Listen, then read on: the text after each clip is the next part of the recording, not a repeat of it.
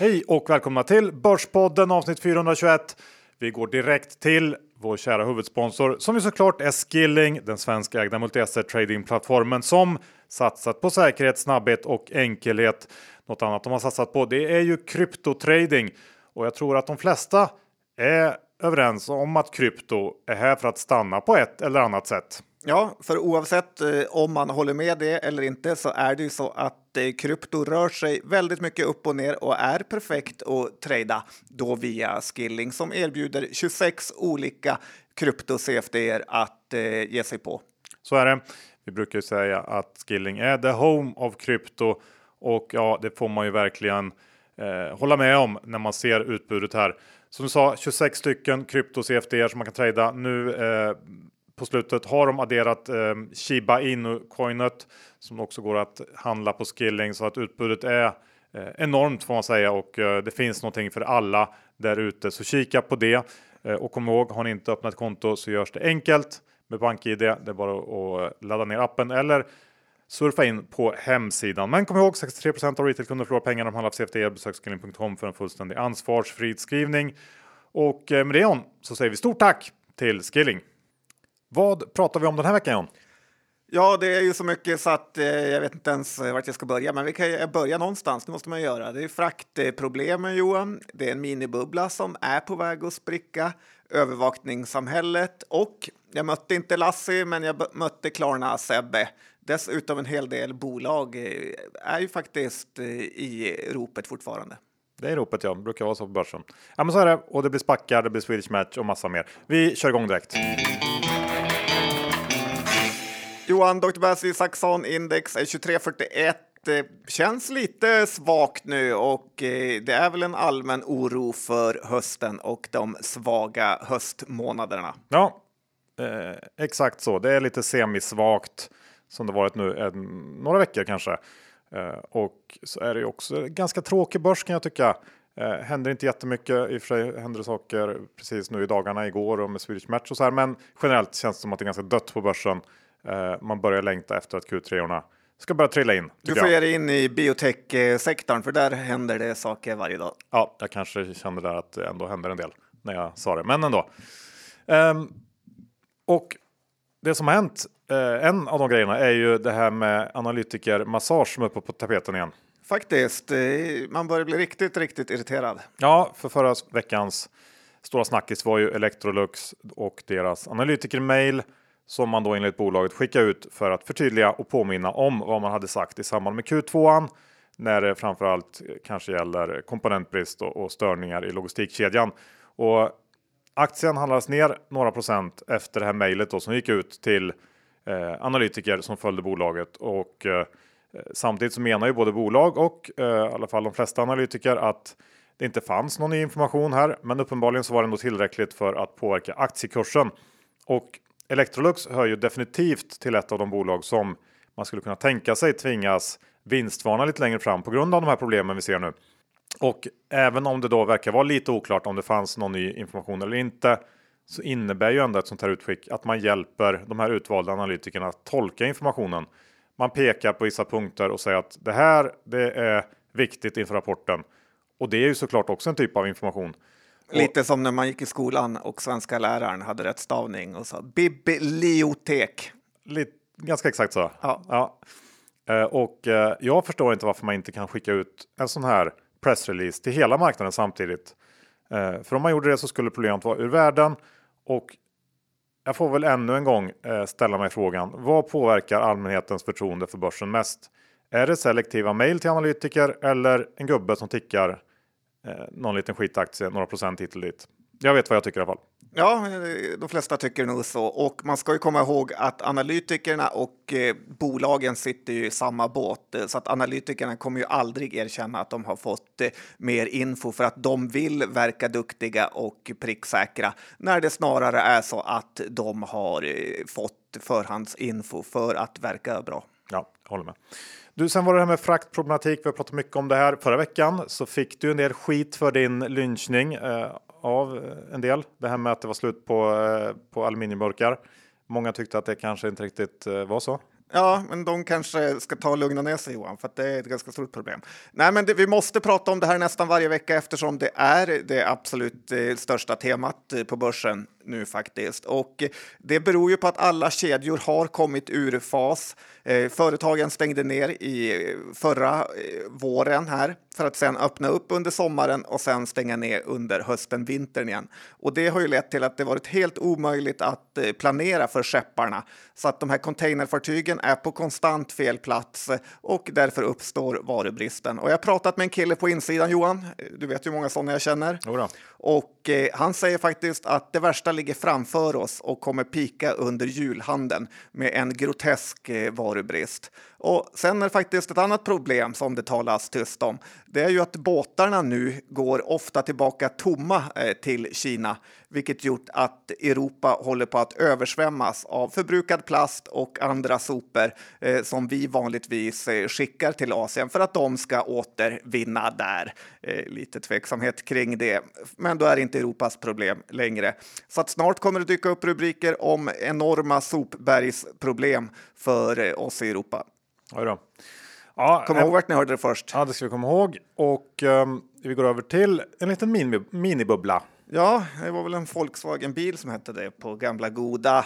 Men det är ju så att eh, den har spruckit lite här i investmentbolagen och det tycker jag. Jag ska inte säga att man ska tillsätta en utredning, men det är inte långt ifrån. Eh, de här aktierna, i investmentbolag, aktierna alltså, då har ju blivit uppumpade till max av ägarlösa pengar eh, som på riktigt eldat upp Eh, pengar för fondandelsägarna genom att köpa investmentbolag eh, som har alla sina tillgångar noterade långt över substansvärdet alltså då vad eh, investmentbolagets portfölj är värd på riktigt. Och eh, det är lite sådana här saker som får en att bli matt, men det är också precis därför det går att få överavkastning på börsen för aktiva sparare. Eh, tittar vi på några exempel så har ju industrivärden varit över 350 och nu är den under 300. Latour har gjort liknande resa. Investor har gått från 220 till 200 och då har man ändå fått ett bud på Sobi. Eh, Svolder har rasat från 340 till 280. Så att det har varit lite pengaslakt för investmentbolagen. Ja, men det är väl rimligt och ändå skönt att se att det finns lite rimlighet i världen. En till eh, sån här bubbla som kanske har har spruckit eh, är ju den här eh, SPAC-bubblan i USA. Den var ju väldigt het kring årsskiftet och förra hösten. Inte mycket snack om SPACar nu och det gör det väl lite intressant att titta på vad som hänt i Norden här. För förra veckan så Ehm, fick vi den första nordiska SPAC-affären när det finska SPAC-bolaget Virala genomförde en, en deal med eh, Purmo Group som håller på med klimatlösningar för inomhusmiljö. Um, och den här virala spacken är väl upp ungefär 30% eller något sånt sen affären annonserades. Uh, så det kanske ändå inte är så dum idé att parkera lite pengar i någon av de svenska spackarna på en då i övrigt lite svajig och småsvag börs. Eh, känns ändå som att man har nedsidan hyfsat begränsad och en möjlig liksom, uppsidepotential om de gör någon slags affär. Och jag läste faktiskt i Affärsvärldens golvet eh, här för någon vecka sedan att Hagströmer är ju väldigt missnöjd med den lilla rabatten som finns på Creades-backen och eh, är sugen på ett citat håll käften förvärv. Så att eh, jag har parkerat lite, eh, lite likviditet i just Creades-backen och hoppas att golvet har rätt där. Ja, men det är lite som att börsen har pissat på Hagströmer där. Han har ju ett enormt rykte vanligtvis. Så att lite konstigt att spacken är, ligger så lågt. Jag har också köpt faktiskt. Eh, jag vet att Capital har dragit in rejält med pengar där också. Så att eh, alla tre av oss kanske inte borde ha fel. Eller så är det det vi har. Ja, det vet man aldrig. Eh, sen vill du prata om övervakningssamhället John. Känner du dig övervakad? Det kan jag faktiskt eh, säga att jag gör mer än tidigare i alla fall. Och jag tycker att det börjar bli läskigt på riktigt. Eh, man är så mycket mer övervakad än man eh, tror. Och jag håller på att flytta nu så att jag var tvungen att ringa min bredbandsoperatör Eh, för det var lite problem såklart. I och för sig mest för att jag hade kopplat precis alla sladdar fel. Men, men. Eh, och eh, då var det så att när det hade blivit rätt så sa den här kundtjänstsnubben att eh, nu ser jag att du har kopplat rätt och så frågade han men hur gör du med tvn? Jag ser att du inte har kopplat in tvn än. Eh, och då undrar jag om han verkligen kan se exakt vilka apparater jag har påkopplade hemma. Och så sa han bara lugnt, ja men det är såklart eh, jag kan. Och då tänkte jag lite på ett sånt här meme jag läste på eh, Instagram tror jag det var, att en fru frågade sin man varför han pratar eh, så lågt hemma. Och så svarade han, jag vill inte att Mark Zuckerberg ska lyssna. Frun skrattade, jag skrattade, Siri skrattade och Alexa skrattade. Mm. Vad kul. Det rev. ja, ja, ja. Uh, jag känner väl att det inte var jättespektakulärt det här att de kunde se uh, att du inte hade tvn i. Nej, men det är för att du är millennial Johan, Sveriges äldsta millennial. Ja, det kan det vara så. Uh, vi avslutar första delen med det här med pengar. Vad är det värt egentligen att ha massa pengar John? Du ja. som har. jag som den som har den har. Eh, det är så här, jag var på Leos Lekland i helgen och då mötte jag Klarna-Sebbe. Eh, ganska så säker på faktiskt att han kände igen mig Johan. Vad säger du om det? Är du avundsjuk? Det tror jag inte han gjorde. Mm, jag tror han gjorde det, men vi kan lämna det. Eh, jag... Bara fråga lite där, hur, på, vad grundar du det på? För att vi stirrar på varandra jättelänge. Kändis till kändis Johan. Kan det inte vara mer så att han var jätteorolig när det stod någon, någon eh, kille och bara glodde på honom? Ja, det kan det också ha varit. Ja. Eh, men då sa jag till de andra föräldrarna, ser ni vem det där är? Men ingen annan visste såklart eh, vem det var och man kan ju säga att han körde ganska så stenhård undercover. Ett par grå mjukisbyxor och såg väl inte ut som en 20 miljarders man direkt, utan snarare som att hans networth var kring minus 200 000. Men då mitt i hemskheten på Leos Lekland så slog det mig hur lite nytta man ändå har av pengar. Då Klarna Sebbe hade precis lika tråkigt som jag denna söndag. För det är så extremt mycket som ändå inte går att köpas eh, för pengar. Och eh, precis som Elon Musk twittrade häromdagen är att eh, tid borde vara den riktiga valutan. Djupt.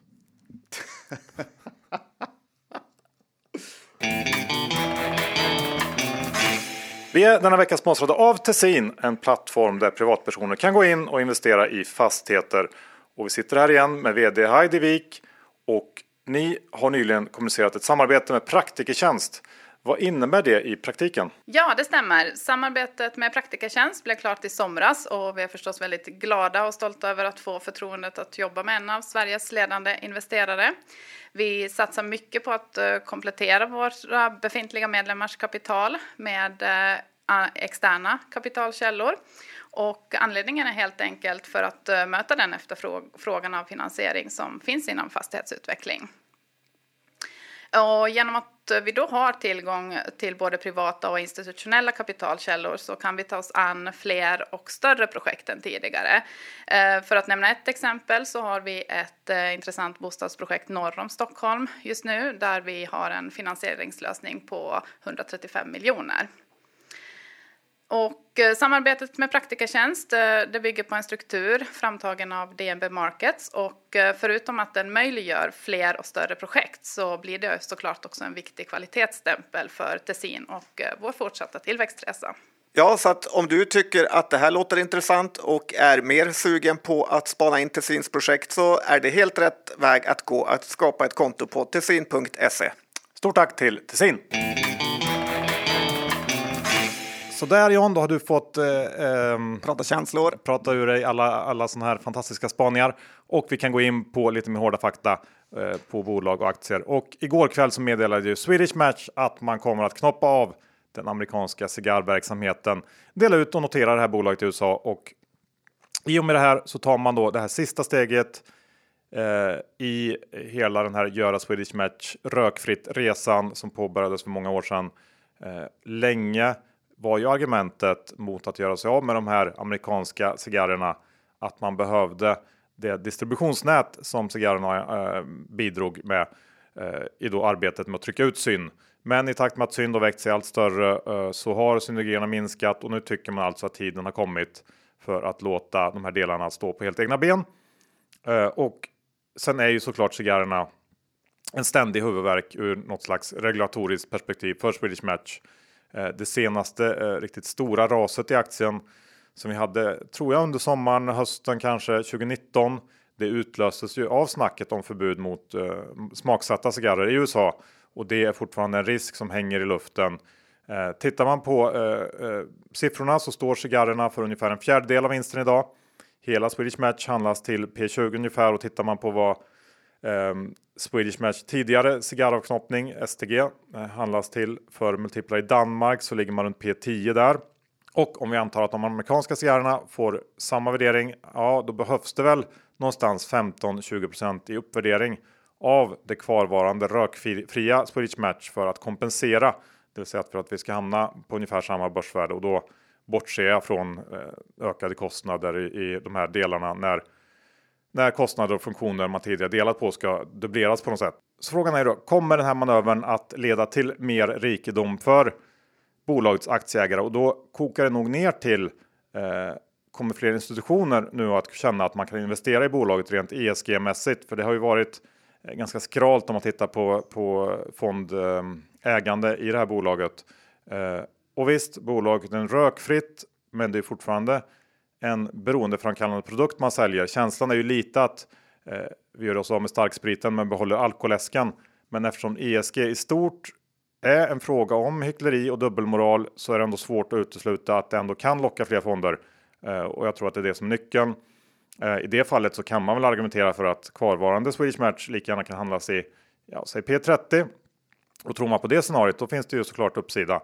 Är man lite mer modest och tänker ja, men P25 ja, då blir det faktiskt inte så mycket hurra över utan det eh, handlar då mer om någon slags felräkningspengar och eh, givet att aktien dessutom gått riktigt bra på slutet och handlas högt eh, just nu så sållar jag mig nog ändå till det här lite mer modesta facket och tycker att eh, eh, ja, det eh, kanske inte ska ge så där fruktansvärt mycket på kursen här.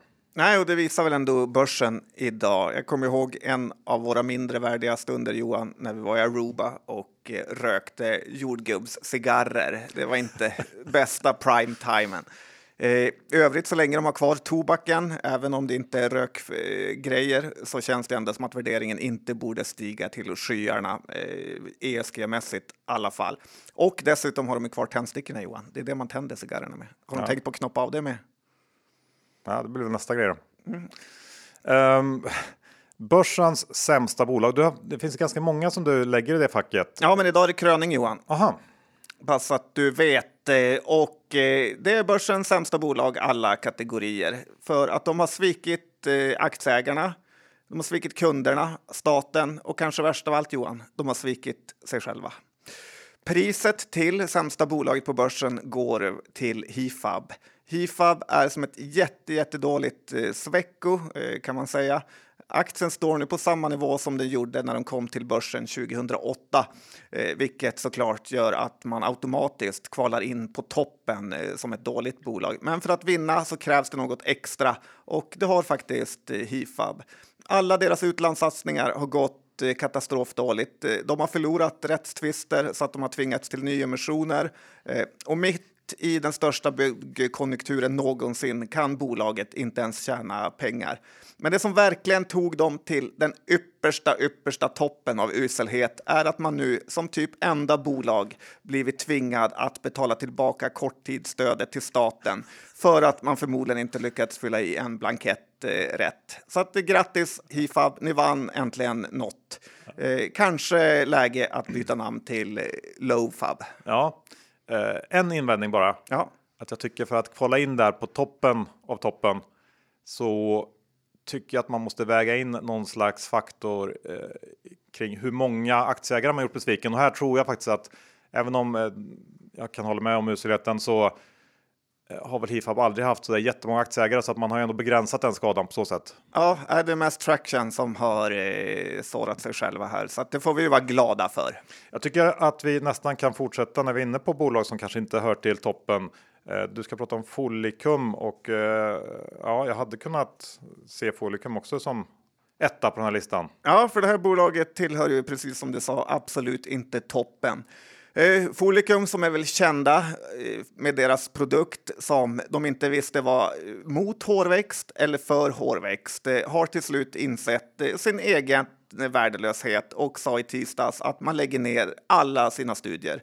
Eh, man ska nu utreda möjligheten att eh, starta en annan verksamhet och det betyder väl att man vill bli ett eh, fastighetsbolag at best ännu ett sånt här Lunda biotechbolag som slutar på bolagskyrkogården. De hintade i Q2 om att de måste hitta på något drastiskt, men ändå så var hela rapporten fylld med olika drömmar om andra projekt som de hade på G, men som nu alltså är nedlagda. Och eh, jag tycker det är lite äckligt att läsa sånt när man sen lägger ner allt bara några veckor senare. Så vad är det här bolaget värt då om man tittar på det nu? Folicum hade en kassa på ungefär 24 miljoner i slutet av Q2 och nästan inga skulder. Så att eh, det är väl ungefär vad börsvärdet är nu. Eh, sen har man ju som sagt en joker att de gör en väsk eller att de typ apporterar in något eh, Skånefastighet från Percy Nilsson eller sånt. Eh, för de har ju ändå en börsplats och en massa förlustavdrag. Så att har man ägt aktien ända hit eh, så är det inte lönt att sälja nu utan det får behållas som en ganska intressant lottsedel. Mm, jag håller med om det. Jag har inte så mycket mer att tillägga utan jag tycker att det kan vara bra att snacka lite Eh, Clas Olsson och det har att göra med, ja dels har de rapporterat men de får också eh, sällskap av en peer imorgon när Kjell och Company noteras. Och eh, om vi börjar med Clas Olssons Q1 alltså som kom förra veckan så var väl rapporten in line. Men jag gissar att oron för stigande fraktpriser och eh, dess effekter kommande kvartal var det som sänkte aktien med runt 10 på rapportdag. Och eh, visst, det kommer nog att synas eh, lite grann i lönsamheten. Men samtidigt blir det intressant att se hur borttagandet av restriktioner här i slutet av september påverkar Klas. Eh, kommer det att bidra till någon märk märkbar ökning i trafiken i butikerna? Eh, vi får se. Sen har vi halvledarbristen som kanske heller inte slår lika hårt mot Clas Ohlson som en del andra aktörer som har mer eh, teknikfokus. Ehm, och sen ska man också komma ihåg när det gäller Clas Ohlson att förra årets Q1, det var det de rapporterade i förra veckan, den var eh, riktigt, riktigt stark. Så jämförelsetalen eh, det här kvartalet var tuffa, men det lättar en hel del, i alla fall försäljningsmässigt eh, redan här under innevarande kvartal. Men det för oss då till Kjell och Company som börjar handlas imorgon som sagt. Eh, det finns ju såklart likheter mellan Kjell och Klas, inte bara namnet, men om vi istället fokuserar på skillnaderna så har ju Kjell och Company ett mer nischat hemelektronikerbjudande och har ju dessutom fokuserat på en väldigt hög servicegrad med kunnig butikspersonal som bistår med rådgivning och det tror jag är en, en ganska stor del av framgångsreceptet. Eh, Kjell Company har också växt snabbare de senaste åren eh, och presterar ungefär samma rörelsemarginal. Eh, tittar man på online-andelen eh, så står den för 35% i Kjell Companys fall och jämfört med 10% av totalen ungefär för Clas Olsson och eh, på den här teckningskursen 55 spänn så ligger värderingen av Kjell Company hyfsat in line med Clas Olsson och givet att eh, det här bolaget fortsätter växa strax under 10% per år, vilket de har gjort eh, sista åren, eh, så bör det väl finnas en liten uppsida där. Eh, samtidigt så kan man hävda kanske att eh, Clas Ohlson med större butiker och lägre andel näthandel haft det lite tuffare under pandemin Eh, bör gynnas mer av borttagna restriktioner och eh, en eventuell får vi säga normalisering av samhället. Eh, och det finns ju då också en risk för att Kjell Company med sitt stora elektronikfokus eh, som varit helt rätt under pandemin att de drabbas hårdare här av halvledarbrist och, och ja, generell brist på varor. Så att eh, jag är inte helt säker på att Kjell och kompani blir en supersuccé här under kommande år. Kan säkert gå upp en del här på, på under första handelsdagen, men jag ser ingen eh, jätteuppsida då givet riskerna här. Nej, men jag håller med dig, den är lite överhypad i teckningssugenhet. Så att det är mer teckna sälj än eh, långsiktigt skulle jag säga. Och eh, man får ju säga hur lyckat det har varit för Kjell Company att ha väl utbildad personal. Jag tycker alla man hör eh, ger dem lite cred för det. Så att det är kanske det man ska starta, ett bolag som utbildar personalen. Kanske, ja, nej, men det, jag håller med. Det är väl den stora framgångsfaktorn. Eh, när vi ändå är inne på noteringar så har vi ju eh, en till eh, väldigt eh, håsad sådan. Jag tänker på det här CTEC. Ja, för att nu är det faktiskt dags för gratispengar igen från pappa John. Månadspengen ska ut till folket och eh, det är så att jag, du vet Johan, jag jobbar dygnet runt för deras skull. Eh, det är ju så här att eh, det är faktiskt dags att plocka fram inlogget till farmor, gammelfarmors och alla dina barns eh, konton. Behöver jag fortsätta Johan? Nej. Du vet, du vet vart vi är på väg. Ja. Eh, men CTEC är ju dagens case och eh, extremt förenklat gör CTEC laddboxar eh, och tillbehör till el, laddstationer och så vidare. Eh, jag har installerat två laddboxar i år, båda från CTEC och jag tycker att de är ganska snygga och fungerar väldigt bra här. Eh, så att eh, Latour tar ju 31 procent av bolaget från start, så att det är bara att följa med och teckna CTEC. Du kommer inte bli besviken. Ja, möjligtvis för att du inte får några aktier då. Ja, precis. Mm. Bra. Eh, jag tänkte ta en eh, liten sväng till Finland för Nokian Tires som ju är en gammal börsbunden favorit har haft något så spännande som en virtuell kapitalmarknadsdag här under veckan som gått. Och um, har du koll på den? Nej. Nej. Det var väl inte så spännande om jag ska vara ärlig. Fokus låg på tillväxtstrategin och, och det är utanför de här mer mogna marknaderna som man har i Norden och Ryssland som tillväxten ska hämtas såklart. Det är Centraleuropa och Nordamerika som ligger i fokus och eh, det är klart att där är ju den potentiella marknaden enorm eh, och Nokians marknadsandelar är små. Man presenterar också nya finansiella mål här på medellång sikt eh, och det var väl inte heller så där jätteupphetsande. Eh, det var 2 miljarder i, i eh, omsättning och 20 i marginal och det var väl lite av en besvikelse om man tittar till eh, vad för eh, analytikerna räknar med kommande år i sina prognoser. Men man kan väl ana här att ledningen varit lite försiktiga för att kunna överprestera eh, och det jag kan gilla med Nokian är att man inte alls påverkas eh, i samma utsträckning som många andra underleverantörer av den här elbilsrevolutionen. Däck behövs ju oavsett. Möjligtvis så får man jobba på att ta fram lite eh, däck med lite lägre ljudnivå eftersom däckljudet eh, blir mer framträdande utan en, en förbränningsmotor. Men det är ju detaljer eh, på kort sikt. Och förmodligen bra då produktutveckling brukar ge dyrare produkter att sälja. Absolut. Och på kort sikt så begränsas ju nybilsförsäljningen av eh, Eh, halvledarproblematiken och det påverkar ju i sin tur också efterfrågan på Nokians däck eftersom det drivs mycket av nybilsförsäljning. Men den här aktien handlas till P15 eller ev ebit 12 på nästa års prognoser.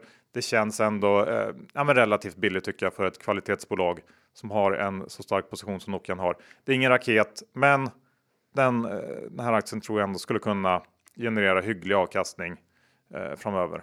Så lite så här tråkval, eh, men stabilt. Ja, faktiskt. Eh, ingen raketen hör däcken på marken. Ja, det var bra sagt. Tack. Du, eh, du har börjat intressera dig för, eh, ja, vad ska man kalla det här, någon slags evig turnaround på något sätt. Cavotech tänker jag på. Ja, faktiskt. Jag tror att det här kan vara ett av de mest spännande casen på börsen just nu som jag vill höja ett finger för att man ska titta närmare på. Och överallt läser man ju om det här med fraktproblemen och stockningen i hamnarna. Och det pratas också mycket om att man måste börja modernisera hamnarna och göra dem effektivare. Och det skulle ju verkligen då Cavotech kunna vara ett eh, superbt eh, spel på. Eh, Cavotech, som du nämnde, har ju aldrig riktigt lyft, men det känns ändå som att det skulle kunna vara dags nu. Eh, men det känns ännu mer faktiskt som att det här skulle kunna vara ett utköpscase.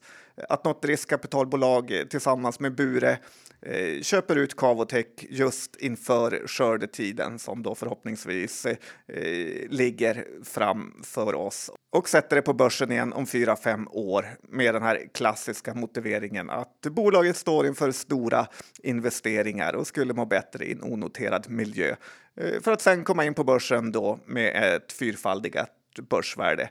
Eh, men själva Cavotech eh, har ju faktiskt gjort många effektiviseringar redan och både 2020 och 2021 har ju varit lite bortkastade år lönsamhetsmässigt. Men det skulle som sagt kunna vara en bra tid framöver samt att Cavotech är ett sånt här bolag som är helt bortglömt och underanalyserat. Bure äger 36 procent och skulle förmodligen lätt också kunna vara med på en sån här utköpsmanöver med något pengakåt private equity-bolag. Och händer det inte så tycker jag ändå att åren framför oss ser ganska bra ut värderingsmässigt med P15 efter då i år ungefär. Så att eh, som det brukar stå i placera forumet, hade jag haft pengar hade jag köpt Johan. Ja, Nej, men jag kan väl hålla med om att det känns lite intressant. Det där är ju ett bolag man har tittat till med jämna mellanrum, men det har ju aldrig riktigt släppt så att eh, ja, man kanske skulle vilja se det. Nu var det länge sedan jag kollade på det så att, eh, jag ska ta en titt nu när du tog upp det ändå. Underanalyserat som sagt. Ja. Sen har vi ju Eh, GOP som jag också tänkte ta upp som i veckan meddelar att eh, man överraskande tappar fyra sjukhuskontrakt i Förenade Arabemiraten. Eh, I förtid tror jag det var också, så man tappar de här i början av nästa år. Och det här, i alla fall vid en första anblick, ser ut att vara en ganska stor smäll.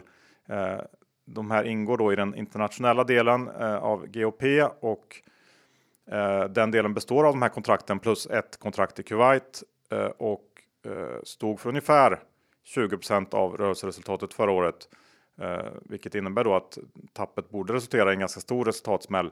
Men eh, bolaget meddelar att man, man räknar med begränsade resultateffekter och eh, att man håller fast vid de här finansiella målen som man har.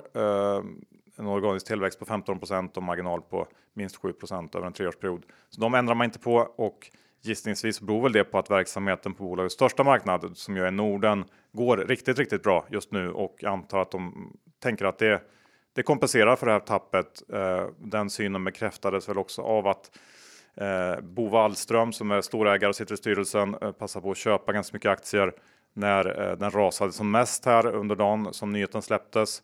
Och eh, det bidrog väl också till att dämpa aktiens fall ganska rejält. Ehm, jag eh, tycker ändå att det går liksom inte att komma ifrån att det här var ett, ett eh, negativt besked ändå och att aktien knappt är ner på det känns ändå lite väl. Så jag tror att man kan avvakta med GOP här också. Mm, bara en fråga, det finns väl inte ens något land som heter Kuwait? Kuwait. Mm, tack Johan. Ska vi, ska vi börja, vill, du, vill, du, gå in på den vägen? Vi lämnar det Johan. Ja. Jag såg att du blev sur direkt. Ja. Bra, ändå onödigt att ta upp kan jag tycka så här på slutet när det gått ganska bra. Faktiskt. Eh, hela, hela avsnittet. Eh, men du får väl avsluta med eh, någonting briljant. Ja, som vi inte har, Brilliant Future. Och eh, det är den här avknoppningen från WISE eh, som det varit hyfsat höga förväntningar på och eh, snackats lite om att det skulle vara ett ständigt sint. Eh, Brilliant Future jobbar ju med olika kund och medarbetarundersökningar. Eh, Brilliants första rapport kom nu för inte så länge sedan och eh, det var tyvärr verkligen dålig på alla plan. Eh, kanske kändes den eller verkade ännu sämre Eh, för att de har tagit mycket kostnader och det har varit mycket arbete i och med den här avknoppningen från WISE. Eh, jag skriver inte av Brilliant Future för gott, men man förväntar sig rejält mycket bättre siffror framöver för att det här ska kunna vara intressant. Och framförallt måste ju försäljningen för dem komma igång. Eh, det kan ju också vara så, eftersom det här är ett mikro mikrobolag, att det kan slå hårt över kvartalen. Eh, det är värt att hålla koll på, men inget som direkt lockar just nu alltså. Nej, eh, jag har noll koll på det här så att jag tar helt enkelt ditt ord för det. Ja, då behöver du göra ingenting. Slut på avsnitt 421. Vi säger stort tack till vår huvudsponsor Skilling. De är ju the home of krypto, John, och det finns väl få marknader, om någon, som är så tradingvänlig som kryptomarknaden och med deras 26 olika kryptovalutor som går att trada på Skilling så är de ledande helt enkelt. Så testa det om ni inte gjort det. Eh, men kom ihåg 63% av retailkunder förlorar pengar när de handlar CFD. Besök skilling.com för en fullständig ansvarsfri skrivning. John, hur är det med innehav den här veckan? Ehm, jag tog upp Kradisbacken, där har jag ett litet innehav. Eh, I övrigt är det inte så mycket att snacka om idag för mig. Ja, jag har också lite Creades SPAC, också lite en mikrobevakningspost i Brilliant Future för att inte glömma bort det bolaget. Ja, det ser man. Bra, tack för att ni lyssnade den här veckan. Vi hörs om veckan. Hej då! Det gör vi. Hej då!